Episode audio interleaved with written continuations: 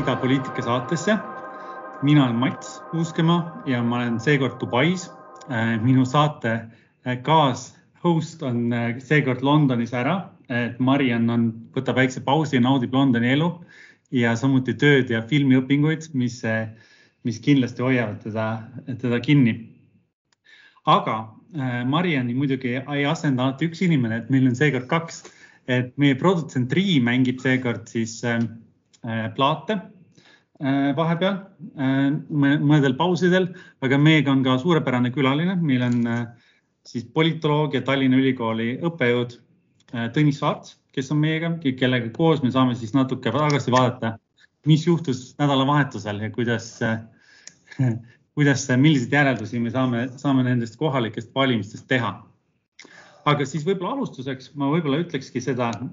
et mis, mis mulle tundus kohalike valimistega. ja siis pärast me saame Tõnisega arutada kõikvõimalikke teemasid. aga, et mulle tundus et, et esiteks need olid üle pika aja suhteliselt vastand, vastandumisvaesed valimised. et väga vähe vastandumist oli kuigi Isamaa näiteks Tallinnas tõi, tõi üheksakümnendast tagasi oma plats puhtaks, siis ähm, plats puhtaks ähm, slogani. et selles mõttes Keskerakonnale kokkuvõttes vastanduti, aga võib-olla need teemad, need sisulised teemad peale selle, et me tahame ainuvõimu siis ära lõpetada, väga silma ei jäänud, et EKRE oli suhteliselt vaikne, suhteliselt rahulik ja võib-olla see oligi see, millega me juba ei ole harjunud. Et me oleme harjunud, et on, on päris palju, palju suuremad, teravamad, teravamad vaatlused. aga Tallinnas on võib-olla palju on rõhutatud seda, et Keskerakonna ainuvõim on natuke nagu murtud, et nad peavad tegema koalitsiooni aga samas tegelikult Keskerakond toet-, Keskerakonna toetus Tallinnas kasvas. et eelmistel valimistel neli koma, neli koma neli protsenti ja seekord umbes protsent siis rohkem. ja mis on, mis on selle juures võib-olla oluline, oluline on see, et eelmistel valimistel osales ka Savisaare siis äh, valimisliit, kuigi ka seekord Savisaar osales, aga eelmistel valimistel nad said neli koma viis protsenti toetust ja nad tõesti võtsid keskilt valijaid siis ära. et selle, nendel valimistel Ähm, see on, on, meil on, meil on selgelt, selgelt vähem, ähm, selgelt osa, osa neid valijaid läks siis Keskerakonna juurde tagasi.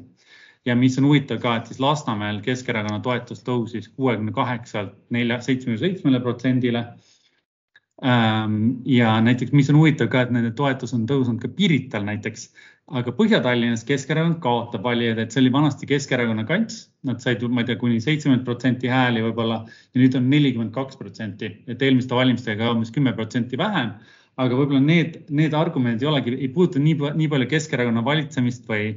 kui häid poliitika, häid või halvasti on otsust, otsuseid tehtud, vaid see on demograafiaga seotud. et Põhja-Tallinnasse kolib üha rohkem noori inimesi, eestikeelseid inimesi, kes valivad võib-olla teisi erakondi kui Keskerakond, et see on märkimisväärne. lisaks äh, hiljuti ma käisin, külastasin toredat linna nagu Narva ja siis äh, kohtusin ka sellise inimesega, kes tol hetkel oli töötu nagu Katri Raik, et, et Katri Raik on tõesti teinud ajalugu sellega, et ta on Narvas siis saanud linnapeaks äh, või saab varsti, saab luua koalitsiooni ilma Keskerakonnata. et seda me ei osanud arvata ja samas tegelikult oli Keskerakond hiljuti mestis, et see oli natuke Keskerakonna tegemine, et nad otsustasid temaga tülli minna ja ja, ja, ja et, et tehti, tehti asju eraldi. ja üle-eestiliselt me näeme seda, et EKRE on väga palju kasutanud toetust, aga näiteks Narvas ja teistes Ida-Viru linnades ei saanud üle künnise. Eesti kakssada on saanud sisse väga paljudesse äh, siis kohalikesse omavalitsustesse ja kuidagi neile on selleks ruumi jäetud äh, Isamaa erakond on väga, on jällegi taaskord alati tagasi pildile tulnud, üllat-, üllatades kõik, et seitse protsenti vist äkki toetust üle-eestiliselt, et see on, see on, ma arvaks, et väga hea tulemus äh, Isamaa erakonna puhul ja sotsiaaldemokraadid, võib-olla nad kaotasid umbes äkki poole oma toetusest võrreldes eelmiste kohalike valimistega, aga sotsiaaldemokraadid jällegi üle Eesti kohalikes või siis valimisliitudes väga edukad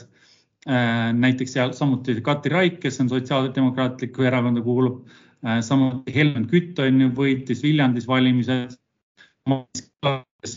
valiti Saaremaal, valimisliit võitis, et on varem sotside nimekirjas kandideerinud, et selles mõttes neile lõplikku hukku ma ei, ma ei, ma ei, ma ei arvaks. aga võib-olla siis teekski siia ühe väikse muusikalise pausi. Ja siis, siis ma saan kuulata Tõniselt, et mis, mis sina arvad, et ja millest, mis on võib-olla järeldused, mis ma valesti tegin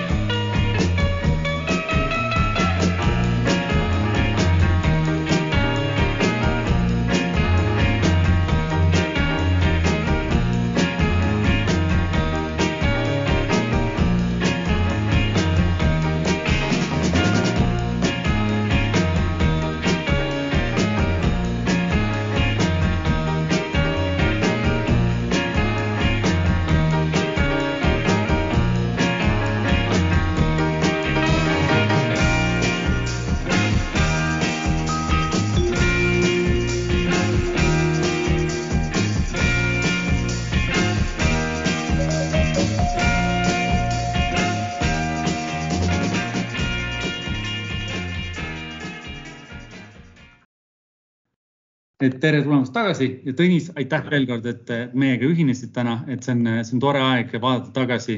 ähm, kohalikele valimistele. meie kuulajad äh, tihtipeale nad ei jälgi poliitikat väga aktiivselt, et selles mõttes on, on sinu tähelepanekud hästi tähelepanuväärsed. tervitus, et aitäh kutsumast ja ma arvan, et see analüüs, mis sa tegid, oli igati adekvaatne. et kui need valimisi väga lühidalt kokku võtta, siis võiks öelda, et vanad tegijad pidasid päris hästi vastu, veidikene kaotasid küll hääli. noh, sotsiaaldemokraatidel läks kõige kehvemini, aga kui me võtame valimisliidud juurde, kus paljud nende prominentsed poliitikud ka kandideerisid, siis võib-olla see üldpilt nende jaoks ei olegi nii masendav. aga teised vanad erakonnad, noh, kaotasid seal kuskil kaks-kolm protsendi jagu hääli, et see ei ole sugugi, sugugi väga halb tulemus mis tegelikult näitab seda, et kuna kohalikel valimistel ei loe niivõrd ainult erakondade brändid või firmamärgid, vaid äh, loeb organisatoorne võimekus, see, kas sul on inimesi kohtadel või ei ole, siis noh, see oli üks peamine põhjus, miks äh, nii Keskerakonnal, Reformierakonnal kui Isamaal tegelikult läks võrdlemisi hästi. kuigi samal ajal see surve nüüd uute parteide poolt, kes olid üllatajate rollis. ma pean siin silmas ennekõike EKRE-t ja Eesti kahtesadat. see surve oli päris märkimisväärne, nii et äh, ma ütleksin, et vanadel erakondadel läks isegi hästi vaadates, milline, milline see üldine trend on. jah, et see on huvitav, et mõnes mõttes et kõigile jagus nagu ruumi, et, et kasvõi Tallinnas, et kõik said üle künnise. Äh, ja, ja, ja samas küsimus ongi see, et kaua see võib nii jätkuda, et kas see kuidas see võib mõjutada meie parteisüsteemi pikas perspektiivis, kui, kui tulevad uued jälle taaskord. et kuus erakonda väikse riigi peale on päris palju ja meil on see viieprotsendiline äh, miinimum on, on, on jätkuvalt olemas. no kui me vaatame Eesti erakonnasüsteemi, siis no harilikult ongi meil kuskil kuus erakonda olnud äh, Riigikogus Äh, viis, kuus. see kaks tuhat üksteist kuni kaks tuhat viisteist oli hästi erandlik, kus oli tõesti neli erakonda ja siis ka Eesti erakonnasüsteem oli hästi-hästi hangunud. et ei olnudki ühtegi uut tegijat ja, ja noh, Reformierakonna dominant oli väga-väga tugev. Äh, aga muidugi, kui nüüd lähenevad Riigikogu valimised, siis äh, ma ütleksin, et see, kas nüüd Isamaa ja, ja sotsid, kuidas neil läheb ja kas nad üldse tulevad üle künnise, väga paljuski sõltub neist uutest äh, erakondadest, Eesti kaks, kahesajast, EKRE-st, kui mõlemal neist läheb ikka veel üle ootuste hästi Riigikogu valimistel, siis ma arvan, et äh, jah nii sotsidel kui Isamaal tuleb leppida sellega, et, et nad jäävad välja, sest ma ei kujuta ette, et üliedukalt esinev Eesti kakssada jätaks sotsidele väga palju ruumi ja samuti ka üliedukalt esindav, esinev äh, EKRE jätaks Isamaale väga palju ruumi. aga noh, nende vanade erakondade plussiks on see ja seda tegelikult nägime ka neil valimistel, aga ka eelmistel Riigikogu valimistel, et neil on tugev organisatsioon neil on oma üsna lojaalne valijaskond, see on üsna väikeseks kuivanud, aga siiski ta on olemas, ta tuleb välja, ta hääletab ja need erakonnad äh, oskavad ka teha valimiskampaaniat, nii et äh, nad on pildis. võib-olla see organisatsioon, lojaalne valijaskond ja kampaaniavõimekus on see, mis nad päästab ka Riigikogu valimistel jah, mis on võib-olla siinkohal huvitav, on see, et Eesti kahtesadat on nagu raske liigitada, et ta on äh, võib-olla Reformierakonna ja sotside vahele, vahele liigitub mõnes mõttes, et ta on liberaalne, aga ta on pigem selline võib-olla korrigeeritud turumajanduslikku pakkuv erakond, et selles mõttes sotsid on nagu hästi võib-olla isegi ma ütleks, et feministlik erakond, natuke vasakpoolne, et tal on natuke ikkagi oma nišš kindlasti alles, et ta ei ole täiesti nagu üle, ülesvõetav, et nad on kindlasti korjanud mingil määral ka Reformierakonna valijaid ja võib-olla lihtsalt uusi valijaid, kes otsivad uusi, uusi mõtteid, midagi natuke uut, kui, kui need kaks, et, et pikka, pikka aega ei ole nagu võib-olla liberaalsetel valijatel olnud teist valikut. aga noh, selles mõttes, et EKRE, EKRE-ga jällegi ma arvaks, et või noh, seal on raske küsida, kas EKRE, EKRE valijad mingil hetkel valivad siis Isamaad, et kas nad teevad seda valikut või noh, mis on nende teine valik. et kui see kolmteist protsenti ka nagu paljud ütlesid või noh, mõnes mõttes on, on väga hea tulemus Äh, võib-olla siis valimisliite valiti, aga, aga et huvitav mis on, mis on, kuhu, kuhu nemad liiguvad, on ju, kui nad ei vali EKRE-t ja et Isamaa valijad võivad, noh, osad ilmselt, kui tõesti Isamaal peaks nüüd järgmistel valimistel eriti kehvasti minema, siis osad neist tõenäoliselt liiguvad EKRE poole, aga on ka neid, kes, kes liigub näiteks Reformierakonna Eesti kahesaja suunas. et seal on niisuguseid äh, noh, liberaalsemaid valijaid, kes äh, olid vana, vana Isamaa valijad, noh, niisugused turuvabadused ja, ja ka isikuvabadused ja, ja ka Euroopa-meelsus on see, mis neid valijaid ähm, kõnetab. et äh, need valijad vaevalt EKRE poolele lähevad, aga on kindlasti neid, kes, kes võiks ikka minna ja noh, Isamaa plussiks on, on see ja see on samal ajal olnud EKRE miinuseks, et äh, päris mitmed rahvuslikke valijaid, neile lihtsalt ei sobi see EKRE stiil ja, ja liigne radikaalsus. et kui EKRE nüüd oma stiili ja noh, midagi on näha juba uue esimehe all, ma pean silmas äh, Martin Helme all, et, et see stiil muutub mõnevõrra mõõdukamaks ja ka ideoloogia mõnevõrra mõõdukamaks, siis tegelikult see Isamaale väga hea uudis ei ole, sest Isamaa ongi ennast nii-öelda eristunud sellega, et ta on vähem radikaalsem ja viisakam EKRE, aga kui nüüd isa, EKRE ise on ka vähem radikaalsem ja viisakam, siis noh, tekib küsimus, et milleks Isamaa valija peaks, peaks hääletama Isamaa poolt just seda kindlasti, et EKRE on ka, EKRE on suur erakond ja seal on kindlasti ka palju inimesi nüüdseks, aga samas kui noh, ma ütleks, et üks asi on stiil kindlasti, see on õudselt oluline, et, et kui me eelmise valitsusega tegelesime, siis eh, suurim kriitika sellele oli samuti, et, et just see nii-öelda retoorika, mida kasutati, et see häiris nii paljusid inimesi, aga samas, kui vaatame näiteks praeguse liidri, kui, kui te lugesite kunagi tema artikleid, kui ta Delfis toimetaja veel kahe tuhandendatel et siis paljud asjad, mis ta ikkagi ette, ette pani, olid üsna šokeerivad, ütleme nii, et ta tahtis näiteks, ma mäletan, et äh, pärast pronkssõduri äh, siis saagat, see oli üks artikkel, kus ta pakkus välja, et vene keele kasutamise võiks maksustada Eestis. et väga sellised äh, julged, aga üsna selged ja natuke võib-olla ütleme demokraatlikust vaatenurgast natuke hirmutavad asjad, et see ei ole ainult nagu stiili küsimus, ma eeldan aga võib-olla see jah, teil on erinev arvamus. ei, see ei olegi stiili küsimus, et äh, EKRE on ju ametlikult öelnud seda ja, ja mitte ainult ühe inimese suu läbi, et, et nende eesmärgiks on Eestis liberaalne demokraatia kui valitsusviis saata ajaloo prügikasti ja mis on liberaalne demokraatia et noh, demokraatia osa on see tõesti, et, et me vaba, valime vabadel võrdsetel valimistel endale esindajad Äh, ja, ja rahva, rahva hääl on see, mis, mis loeb, milline, milline see esindatus parlamendis ja, ja valitsuses tuleb. aga mis on see liberaalne pool, et see liberaalne pool koosneb kolmest asjast. Äh, esiteks õiglusriiklus, see tähendab, et meil on äh, täitevvõimust rippumatu kohtusüsteem ja seaduse, seaduse võim. teine, võimude lahusus, et Äh, täidesaatev võim, seadusandev võim ja kohtuvõim on üksteisest äh, sõltumatud ja kontrollivad üksteist. ja kolmas komponent on äh, universaalsed kodanikuõigused ehk arusaam, et inimeste õigused ja kohustused ei sõltu nende rassist, soost, seksuaalsest sättumusest, rahvusest ja nii edasi, et kõik kodanikud on, on, on võrdsed ja noh, kui me vaatame nüüd äh, neid erakondi, kes on EKRE-le eeskujuks äh, Kesk-Ida-Euroopas, ma pean silmas ennekõike Fideszit Ungaris ja, ja õiguse õigluse parteid Poolas, siis need parteid, neid kolme liberaaldemokraatia alust, noh, suhtuvad neisse väga suurte reservatsioonidega, kui mitte, mitte ei vastandu neile nii et äh, ma arvan, et kui EKRE tahab äh, nagu jälgida pigem seda mudelit ja ta on ka seda välja öelnud, et, et Ungari ja Poola on tema eeskujuks, äh, siis ma arvan, et, et nende kolme liberaaldemokraatia alusega me peaksime ka hüvasti jätma, ka siin Eestis, kui, kui EKRE saavutab piisavalt tugeva esindatuse jah, siin on huvitav, et Fidesz ise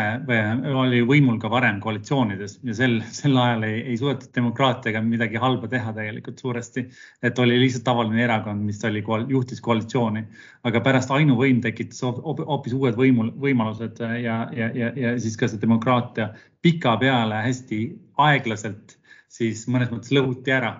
ja, ja siin on tõesti, ma olen hästi nõus, et, et kõik need aspektid on olulised ja võib-olla vaba meedia ka sealjuures, et, et see, kuidas need meedia äh, siis erinevaid äh, ressursse on vaikselt üles ostetud või kuidagi niimoodi vaikselt, vaikselt vähendavad seda nii-öelda mitmekesisust. Äh, et seda on, seda on vahest raske seda paberil nagu tõestada, et nüüd on see hetk, kui demokraatia enam ei toimi aga, aga ma olen nõus, et see on see peamine mure, mis, mis on EKRE-ga ja võib-olla inimesed äh, või noh, ma arvan, et Eestis ongi see, et paljud,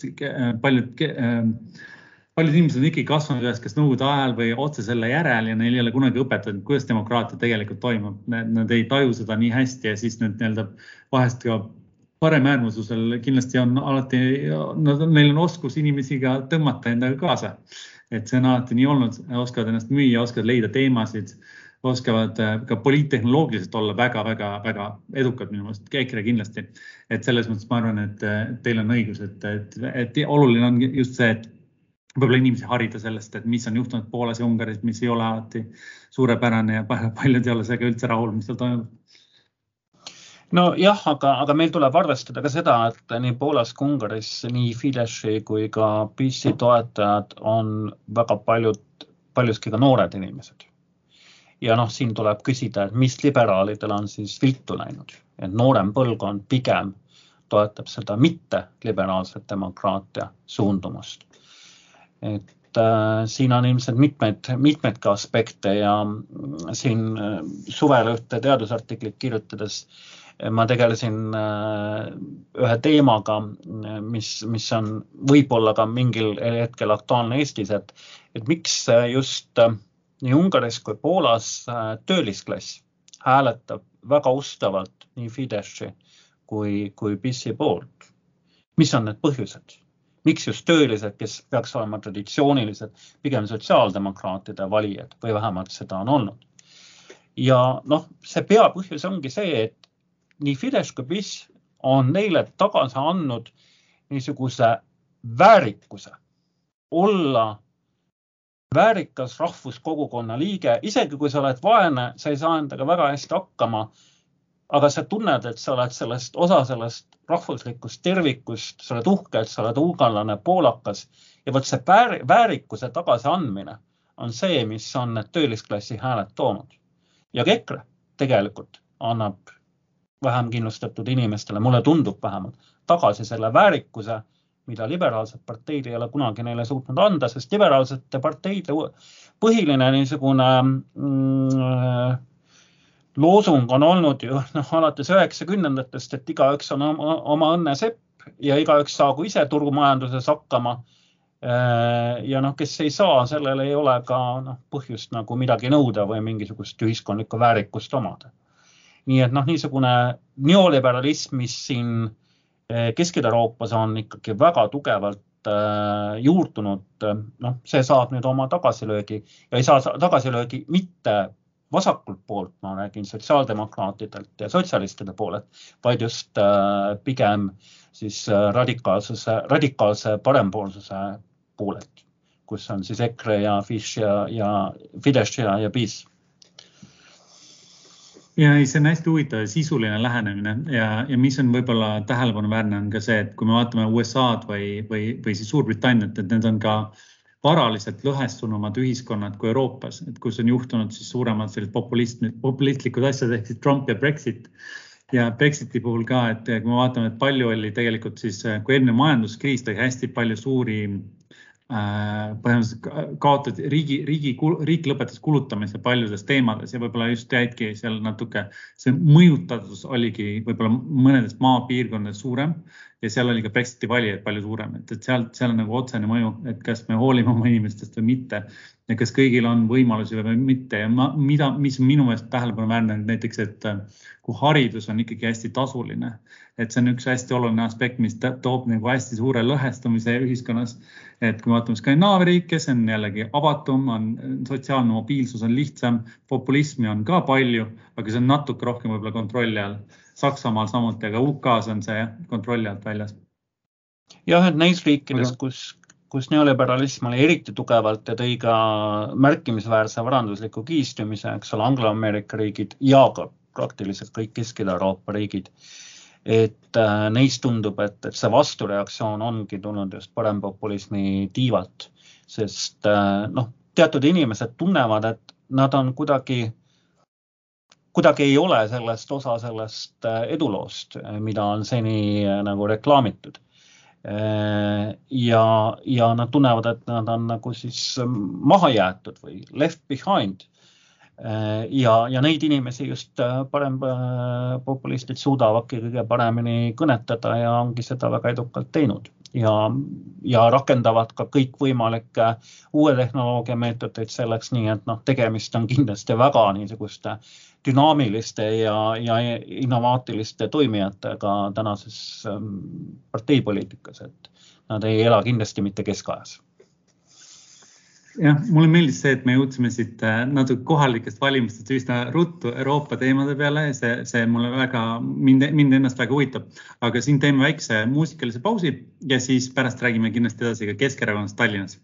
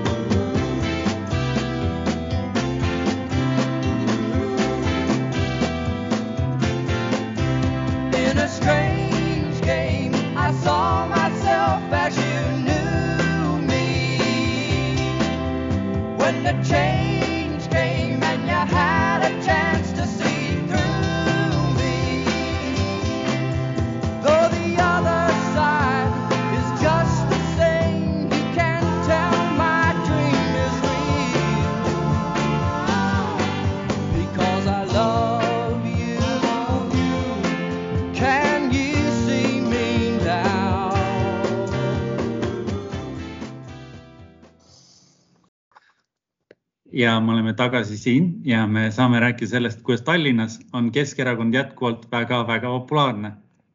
et äh, kes nagu enne mainiti, siis Keskerakond tegelikult toet-, nende toetus Tallinnas kasvas neljakümne viie protsendini.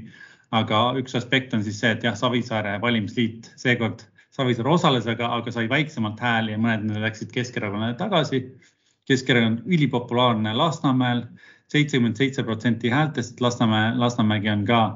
ma ei tea, kas ta on kolmandik Tallinnast rahvaarvu poolest, aga, aga väga oluline koht. Äh, Vene valijaid samuti ei ole nagu võib-olla äh, EKRE suutnud kaasata ei, ei, ei Tallinnas ega Ida-Virumaal, aga, aga ma küsiks kõigepealt jah, võib-olla üleüldse arvamust, et mis on see keskifenomen, et kuidas nad on suutnud Tallinnas ikkagi nii, nii edukalt jätkata üle nii pika aja? no siin on mitmeid aspekte, et Äh, noh, nad on kindlasti endale kasvatanud läbi aastate väga lojaalse valijaskonna, ennekõike just äh, venekeelse valija hulgas. Need venekeelsed valijad tegelikult näevad, et linnavalitsus nende probleemidest äh, ja, ja sellest piirkonnast, Lasnamäe, aga ka Põhja-Tallinn hoolib. siin on ju tehtud väga palju investeeringuid see piirkond ei ole sugugi mitte niisugune maha, mahajäetud piirkond kus nagu midagi ei toimu.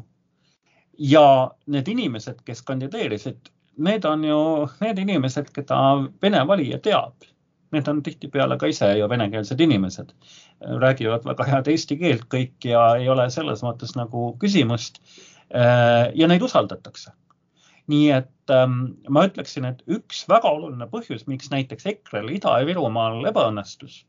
oli see, et neil ei olnud prominentseid Äh, eeskõnelejad ei olnud prominentsed kohalikke aktiviste, kes oleks need hääled ära toonud ja kes oleksid mõjunud usat-, äh, usutavalt, usuta, usutuvalt. Äh, ja Keskerakonnal on need inimesed olemas ja need on aastatega kasvatatud. ja see on olnud partei sihi, sihiteadlik töö. Need inimesed ei teki ühe valimistsükliga see on aastatepikkune töö ja Keskerakond on ainuke Eesti partei, kes on selle ette võtnud ja me näeme nüüd ka tulemusi. teistel seda järgi teha niisama lihtne ei ole. Neil on ka muidugi, kuna neil on pikalt olnud ainuvõimsus, siis neil on olnud võib-olla võimalus inimesi ka sinna võimu juurde kergemini viia, aga samas, kui me vaatame ka teisi erakondi, näiteks sotsid on ju, kes äh,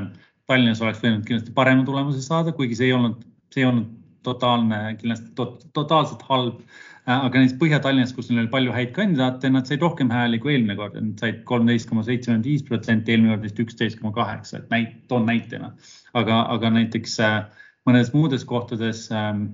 äh, Lasnamäel nad jäid alla künnise, sest nad panid sinna võib-olla ka mitte aktiivpoliitikuid, nad panid sinna, Andrus Vaarik oli äkki esinumber, et, et, et sul peavad ka aktiivsed poliitikud olema. et inimesed läheks ja nende eest võib-olla hääletaksid et, et see on võib-olla üks õppetund siit. Äh, ja mis on huvitav ka see, et, ähm, et Pirital jah, igatahes äh, kesk sai võib-olla viis protsenti rohkem kui eelmine kord, et võib-olla seal on, see on ka selle demograafiline muutus või midagi sellist, aga need on väiksed linnad muidugi. No siin tuleb vaadata, kes, kes need inimesed olid, kes kandideerisid, noh, ma kujutan ette, et sotside väga hea tulemus Põhja-Tallinnas on väga paljuski tänu Raimond Kaljulaiule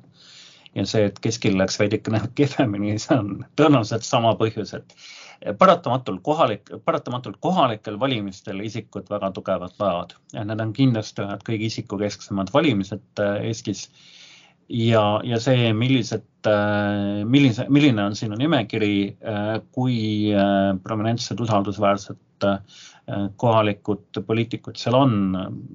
sellest sõltub väga palju, et ainult üleriigiline tuntus kohalikel valimistel tundub, et enam hääle ei too, et vaatame, kui kehvasti läks paljudel ministritel. Äh, noh, just Keskerakonna ministritel, kes, kes ise väga kampaaniat ei teinud ja kandideerisid omavalitsustes, kus noh, nad ei olnud ka nendega väga tugevalt nagu seotud. et ähm, jah, kui, kui on tugev nimekiri ja, ja kohalikul tasandil respekteeritud inimesed, siis tulevad, tulevad ka hääled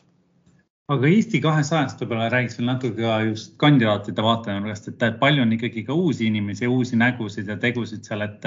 kas, kas need hääled, mis läksid Eesti kahesajale, et kas need on natuke nagu avanss, on ju. et, et kui me vaatame ka Eesti võib-olla esimesi valimisi, esimesi rii, neli Riigikogu valimisi, kui ma ei eksi, alati inimesed valisid sinna uue, uue erakonna. et inimesed tegelikult otsivad uusi mõtteid, tahavad, tahavad neile võimalust anda, aga samas me ei tea, kas see on pikaaegne. ja teine asi, mis mina olen võib-olla jällegi tähele pannud, näiteks, et äh, kui inimestele tundub, et kellelegi tehakse natuke liiga, näiteks ma ei tea, Marina Kaljurand oli väga populaarne Riigikogu presidendikandidaat aga ei saanud presidendiks, väga paljud läksid ja hääletasid ta Euroopa Parlamenti. et võib-olla see, et nad eelmine kord siis Riigikogu valimistel läks õnnetult Eesti kahesajale, et võib-olla see mõnes mõttes aitas neid natuke. Aga jällegi pikas perspektiivis, et, et kes nende täpne valija on või mida, mida, mida nemad võiksid uut tuua sisulist, et, et ma ei tea, võib-olla teil on, teil on mõtteid, kuidas nad võiks mõjutada Eesti poliitikat kõige rohkem. No Eesti kakssada, see sõnum on neil olnud üsna selge, aga samal ajal ka üsna, üsna hägune, et, et pikk, pikk plaan Eestile, et ähm,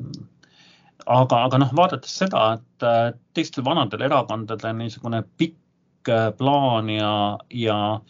ja tuleviku narratiiv Eesti, Eestile puudub, noh, ma ei oska sõnastada, mis on Keskerakonna tuleviku narratiiv Eestile, kuidas ta tahaks näha Eestit kahekümne, kolmekümne aasta pärast ma ei ole seda kunagi kuulnud nagu, et keegi seda väga selgelt nagu verbaliseeriks, samamoodi ka Reformierakonna puhul. siis äh, eks Eesti kakssada tegelikult äh, rõhubki sellele, et, et vanad erakonnad ei ole tegelikult mõnes mõttes hakkama saanud. Neil see niisugune pikk strateegiline vaade puudub. Äh, ja noh, tõsi on ka see, et, et võib-olla vanad erakonnad ei ole ka kõige paremini hakka saa, hakkama saanud ähm, EKRE tõusu ohjeldamisega. Nii et äh, ka siin, siin tegelikult Eesti kakssada on noh, mõnes mõttes nagu ohjad, äh, ohjad haaranud, sest kui me vaatame, kuidas neil läks kahes kõige suuremas omavalitsuses, Tartu ja Tallinn, siis huvitav oli näha seda, et äh, nende häälte arvud või protsentuaalselt siis olid väga sarnased EKRE-le. nii et nad istu, astusid EKRE-le ikka päris tõsiselt kandadele uue tegijana Äh, tegelikult minnes palju nõrgemas positsioonis, sellepärast et noh, EKRE on oma erakonnaorganisatsiooni ja, ja, ja juhtpoliitikud seal erinevates piirkondades palju paremini sisse töötanud, kui oli Eesti kakssada. nii et noh, ma usun, et EKRE-le oli veidikene võib-olla ka halb üllatus, et see liberaalne äh, tiib suutis ennast tegelikult tervikuna Eestis palju paremini mobiliseerida, kui nad arvasid ja päris hästi veel isegi Tallinnas, sellepärast et kui EKRE kahu, raske kahurvägi, kõik kolm Helmet pluss äh, Madisson, Reitelmann ja nii edasi olid kõik Tallinnas ja, ja saadi ainult juurde kaks volikogu kohta ja kaks koma viis protsenti. noh, siis ei saa seda väga suureks eduks nimetada jah, jah, kindlasti, kindlasti oleks võinud EKRE-l paremini minna, äh, aga samas on, mida, mida mõned inimesed on väitnud, on ka see, et võib-olla valimisliidud sogavad seda pilti väga palju, aga samas mulle on väidetud, et EKRE väga ei lubanud oma erakonna liikmetel valimisliitudes osaleda, ma ei tea, kas see on õige või vale. Äh, kuidas ma, see ma, võib... ma, ei, ma ei tea seda, jah, täpselt, ma eeldan, et, et tõenäoliselt nad ilmselt ei lubanud, sest noh, tegelikult ka ei olnud väga vaja, sellepärast et EKRE bränd täna on väga tugev. ja, ja teisest küljest jälle noh, kui me ütleme, et Tallinnas on äh, ja Narvas EKRE-l ei läinud kõige paremini, siis äh, jälle üle-eestiliselt ju tõsta oma häälte äh, Äh, protsenti kahekordseks, see on väga tähelepanuväärne saavutus, seda, seda väga paljud erakonnad ei ole suutnud Eesti valimisajaloos niiviisi hoobilt. Äh, ja on ka välja kujunemas see EKRE kants. Äh, see tundub olevat rohkem Lõuna-Eesti. et kuna Ida-Virumaal nagu ebaõnnestus, Tallinn on ka niisugune nii ja naa, siis, ähm, siis ähm, noh, täna hakkab selginema, et et väga tugevalt need regionaalsed lõhed mängivad rolli, mis ei ole üldse üllatus, kui me tuleme tagasi selle juurde, mida me varem rääkisime, siis eh, noh, tänapäeva poliitikas see niisugune piirkondlik, niisugused piirkondlikud lõhed eh, väga tugevalt tulevad tagasi. Eh, lõhed niisuguste edukate tänapäeva teadmispõhise majandusega integreeritud suuremate keskuste Äh, suurlinnade äh,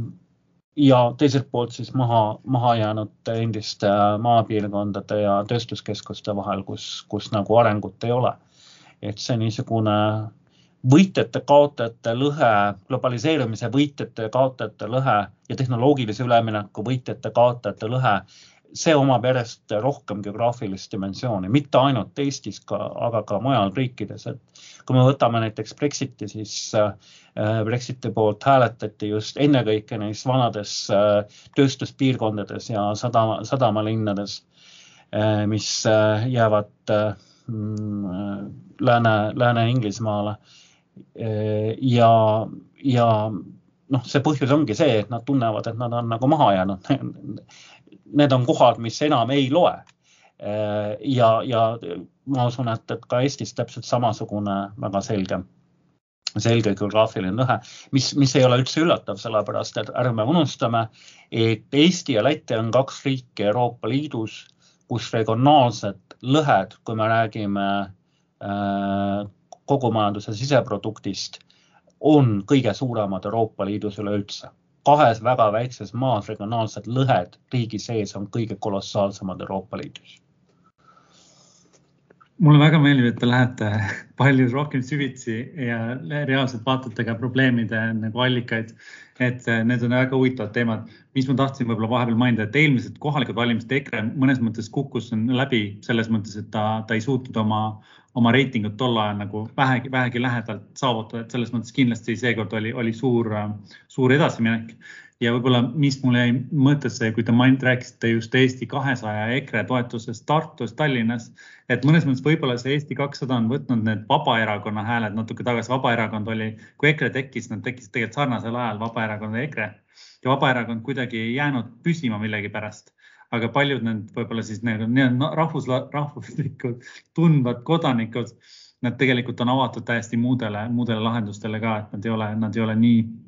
nii selles EKRE brändis kinni, et selle, see on, see on huvitav, et, et, et kui seal on, seal on mõnes mõttes nagu valijaid, kes nende kahe vahel võiks valida, et see on minu jaoks täitsa üllatus. No ilmselt niiviisi on ja, ja miks Vabaerakond ebaõnnestus ja mida Eesti kakssada on minu meelest hästi teinud, on see, et äh, Vabaerakond ei panusta oma, panustanud oma organisatsiooni ülesehitamisse, aga Eesti kakssada panustas ja seda on selgelt näha. tegelikult uuel erakonnal saavutada kuueprotsendiline toetus üle riigi, see ei ole sugugi mitte äh, väike saavutus, arvestades, et neil ei jäänud tegelikult organisatsiooni ülesehitamiseks nüüd meeletult palju aastaid äh, võrreldes siin vanade parteidega, et nad tegid seda päris kähku ja, ja tundub, et tegid päris korralikku tööd ja, ja teine asi, mis on erinevalt Vabaerakonnalt, Vabaerakonnast äh, Eesti kahesajal õnnestunud, on see, et Eesti kakssada täna ikkagi väga selgelt seostub äh, Eesti poliitika ühe kõige olulisema tuumikkonfliktiga, milleks ongi see lõhe globaalse avatuse ja rahvusliku suletuse vahel. Ühel pool on EKRE, teisel pool on Vabaerakond, need selgelt vastandavad teineteisele. Ja, ja see lõhe, see globaliseerumise lõhe globaliseerumise võitjate, kaotajate lõhe on, on see, mis noh, üle maailma on, on niisugune üks kõige olulisemaid konfliktitelge tänases erakonnapoliitikas, järjest tõusva tähtsusega konfliktitelg ja, ja seda ka muuhulgas ka teistes Kesk-Ida-Euroopa riikides. ja, ja Eesti kuulub, kuulub ka nende riikide hulka, kus tundub, et see lõhe on see, mis hakkab määrama poliitikat väga selgelt järgnevatel kümnenditel et see traditsiooniline etniline lõhe, eestlased versus venelased ja, ja sellega seotud kõik need mineviku ja, ja geopoliitilised teemad, need kindlasti ei ole mitte vähetähtsad, neid võib väga edukalt ka ellu äratada, kui, kui Venemaa poolt tuleb see soov nii-öelda seda asja jälle aktiveerida kuidagi äh, läbi erinevate kanalite ja, ja provokatsioonide. Äh, või, või mõni Eesti enda poliitik teeb, teeb siin nagu valearvestusi aga, aga praegu tundub jah, et see Vene lõhe on pigem niisuguses vaikses, vaikselt noh, uinumas seisund, seisundisse jäänud ja, ja see teine konfliktitelg, mis on seotud globaliseerumisega, on oluliselt tugevamalt esil. ja need kaks parteid just seda esindavad ja Vabaerakond ei seostunud ühegi lõhega neil ei olnud üldse selge, kuhu poole nad siis nagu äh, kalduvad ja, ja, ja, ja seetõttu noh, valijale jäigi lõpuks segaseks, et, et mis, mis see nende sõnum, sõnum on tegelikult. Jah, ma võib-olla viimase asjana just parteide teemal, enne kui teeme väikse pausi, äh, küsiks Reformierakonna kohta, et, et ennast me ei ole täna üldse rääkinud, aga Reformierakonnal kokkuvõttes Eesti, Eesti mõistes on ju, ei olnud väga halb tulemus, ei olnud ka väga hea tulemus, aga, aga kuidas see, kuidas te näete seda võib-olla, et kuidas, kui palju see valitsus ikkagi mõjutab siis äh, Reformierakonna toetust, et kui nad olid opositsioonis üli-ülipopulaarsed, praegu nad on valitsuses ja neil on natuke ka käed seotud, sest nendega on Keskerakond partneriks, äh, keda, kes oli siis eelmise valitsuse juht, juht, juhtroll, et, ähm, et kas nad saavad olla koha peal, koha peal uuesti edukamad või, või, või, kuidas, kuidas te näete neid järgmised kaks aastat arenemas? Noh, Reformierakond ju tegi suhteliselt hea tulemuse tänu oma, oma isikutele ja tugevale organisatsioonile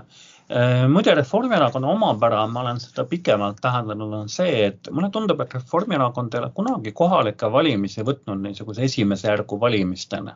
et Keskerakond on neid selgelt isegi rohkem tihtipeale tähtsustanud kui Riigikogu valimisi. Reformierakonna jaoks kuidagi, nad teevad oma tulemuse nagu ära. aga, aga ma ei näe kunagi niisugust ekstra pingutust selle taga. et, et see on kuidagi alati olnud puudu ja noh mõnes mõttes, kui sa tahad oma tulemuse omas klassis ära teha, siis seda nad on alati ka teinud. aga Reformierakonna toetus kahtlemata on langenud, see on osaliselt paratamatu, et valitsusparteide toetus langeb. Et esialgu on, on, on ta kõrge ja, ja hakkab langema ja noh, Reformierakonnal on ka mitmeid väljakutse, kutsujaid, näiteks ka Eesti kahesaja näol. Ja Reformierakond on tegelikult noh, tänu sellele, et, et Keskerakond on oluliselt muutunud, Edgar Savisaart enam ei ole ja, ja kogu see niisugune poliitilise konflikti dünaamika on muutunud, et Reformierakond ei saa enam ennast välja käia kui niisugust äh, asendamatut parteid äh, nagu, nagu varem, nii koalitsioonides kui, kui ka muidu. et äh, noh, ma usun, et äh, keegi täna enam ei vaata Reformierakonnale kui asendamatule kõige, kõige eestimeelsemale parteile, kes kaitseb meid Kremli mõjude eest, nagu see oli aasta, oma, oma kümmekond aastat, eks ole. et äh, Reformierakond selles mõttes noh on saanud niisuguseks tavaliseks valitsusparteiks, mitte enam niisuguseks dominantseks hegemooniliseks jõuks, mida ta oli kümme, kümme aastat kuskil siin varasemal ajal. Jah, mõneti vaadatakse sellele ajale tagasi, et see oli hea ja lihtne, lihtne aeg Eestis, kui oli reformi ja keski vastandumine. et nüüd on asjad palju keerulisemad mõnes mõttes, aga teeme siia väikse muusikalise pausi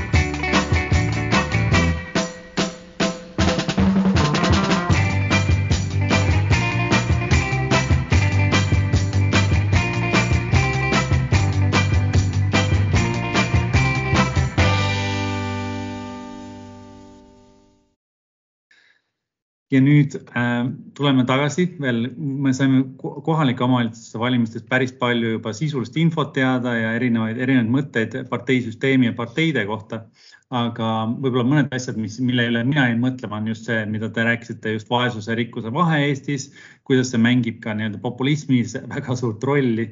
ähm,. Eestis on siis suhteline vaesus umbes kakskümmend protsenti, see on, see on päris kõrge ja kui me vaatame lihtsalt neid poliitikaid, meie maksusüsteemi, meie nii-öelda, haridus on küll justkui kõigile avatud, aga et mis peaks olema need poliitikad riigi tasemel, et me tegelikult tegeleks selle probleemi juurtega. et, et mis on, mis on teie arvamus siinkohal? no ega nende, mis puudutab nagu sotsiaalseid lõhesid ja, ja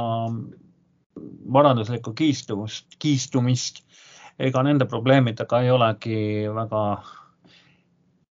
lihtne tegeleda, et, et äh, siin on mitmed tasandid, et ähm, küsimus on sotsiaalpoliitikas, heaoluriigis,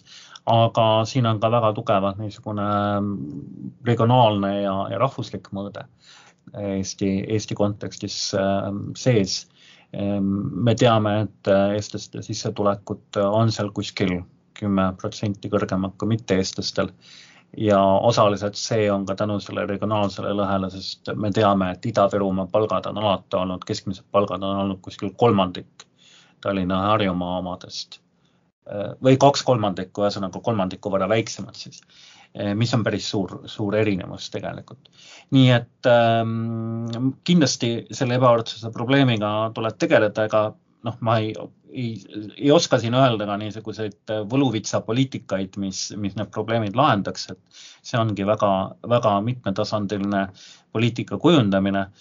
mis võtab väga erinevaid aspekte arvesse. aga mis on huvitav, on see, et ega poliitikateadlased on ju parempopulistide toetust ja neid faktoreid, mis, mis seda mõjutavad, päris palju uurinud. ja mis on välja tulnud, on see, et niivõrd tugevalt ei mõjutagi seda inimeste sissetulek ja, ja klassikuuluvus. et selle mõju teatud määral on, aga ta ei ole üldsegi niivõrd tugev. pigem kõige rohkem mõjutab tegelikult inimeste enda subjektiivne sotsiaalne staatus. kas inimesed tunnevad, et nad on kuidagi võitjate poolel või kaotajate poolel, kas neil on nagu perspektiivi oma eluolu parandada või ei kas nad tunnevad, et nende sotsiaalne staatus on nagu pigem noh, nad on ühiskonnas respekteeritud või, või mitte respekteeritud. Äh, et noh, see, et töölised äh, toetavad, töölisklass toetab parempopuliste, on väga paljuski tänu sellele, et, et see töölisklassi kui klassi prestiiž on väga tugevalt langenud ja noh, tänapäeval me ei räägi enam töölisklassi uhkusest ja sellest, et ma olen uhke tööline ja see mul on mingisugune niisugune eriline missioon siin maailmas, mida vasakerakonnad ju läbi kahekümne sajandi väga tugevalt rõhutasid ja väga edukalt. ega see ei olnud ainult küsimus selles, et, et seis, seisti materiaalsete huvide eest, seal oli väga tugevalt niisugune ideoloogiline tööliste eneseteadvuse äh, tõstmise komponent ka. et Äh, need klassid, kes, kes tunnevad või need ühiskonnagrupid, kes tunnevad, et kuidagi nende staatus ja prestiiž nagu langeb,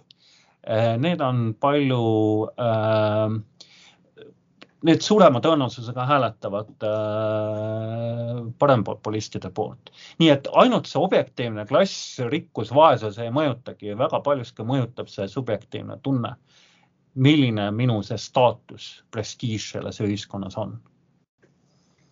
jah, et neid tundeid saab ka mõnes mõttes kindlasti mingil määral luua ja uuesti üles ehitada, selles mõttes, kui me näeme kasvõi ju rahvuslust, see on samamoodi tekitatud mingil hetkel äh, palju suuremaks ja palju olulisemaks muutunud, kui vanasti religioosne kuuluvus oli palju olulisem. et me kindlasti, ma olen väga nõus, et see ajad on muutunud ja mõnes mõttes on poliitikas kolm poolust, et parem-vasakpoolsus, siis võib-olla majanduslik ja kolmas ongi migratsioon mõnes mõttes et see on nagu lisa, lisa, lisaasi, mis, mis väga palju mõjutanud. mis minule tundub Eesti puhul on see, et, et mulle tundub, et ei mõõdeta väga palju näiteks seda, et ma ei tea, kui palju mingis, võib-olla siis mingis, mingit sissetulekut teenivast perekonnast lapsed näiteks lähevad ülikooli ja väga palju madalamast siis sissetulekust ei, ei, satuvad sinna, et et, et me peaks võib-olla natuke rohkem mõõtma seda ebavõrdsust ja võib-olla teadvustama ja siis äh, ma ei ütle seda, et tuleb teha kvoodid ja kõik nii edasi, aga, aga võib-olla on ju näiteks ei peaks kõigile andma, ma ei tea, samamoodi õppelaene, vaid peaks olema, kui sa tõesti ei ole jõukast perekonnast, et saaks natuke rohkem riigi toetust või võib-olla mingil määral seda tehakse. aga kui me isegi ei mõõda seda, et siis on seda hästi raske seda ka võib-olla vahet siis parandada no ma ei ole kindel, et haridusuuringud seda ei mõõda, et üldine niisugune sõnum on olnud, et Eesti haridussüsteem on täna olnud ikkagi üsna vähevõrdne, vähe, vähe diferentseeriv ja, ja, ja selle sotsiaalse tausta mõju nagu inimeste haridusvõimalustel on olnud ähm, palju väiksem kui äh, ja palju negatiivses mõttes äh, väiksem kui äh, mitmetes teistes riikides. et, et ähm, see on mõnes mõttes hea uudis, et, et äh, need neoliberaalsed reformid, kus, kus on niisugune turupõhisus, mis harilikult lõpeb sellega, et, et äh, rikkamate vanemate lastel on kordades veel paremad võimalused, kui nad ennem olid. et, et seda on nagu Eestis, Eestis vältitud, et, et see hariduslik kihistumine on, on suhteliselt ikkagi täna vist tundub olevat palju väiksem probleem kui paljudes teistes OECD riikides ja see on hea uudis kindlasti, see on hea uudis kindlasti, aga, aga et, et võib-olla sarnaseid asju tuleks lihtsalt äh, rohkem teadvustada igatahes alustuseks, et äh, kui mõõtmised on vahest tehtud ajalehes, me ei näe piisavalt. aga igatahes ma tahan teid tänada väga,, väga-väga huvitav vestlus oli meil täna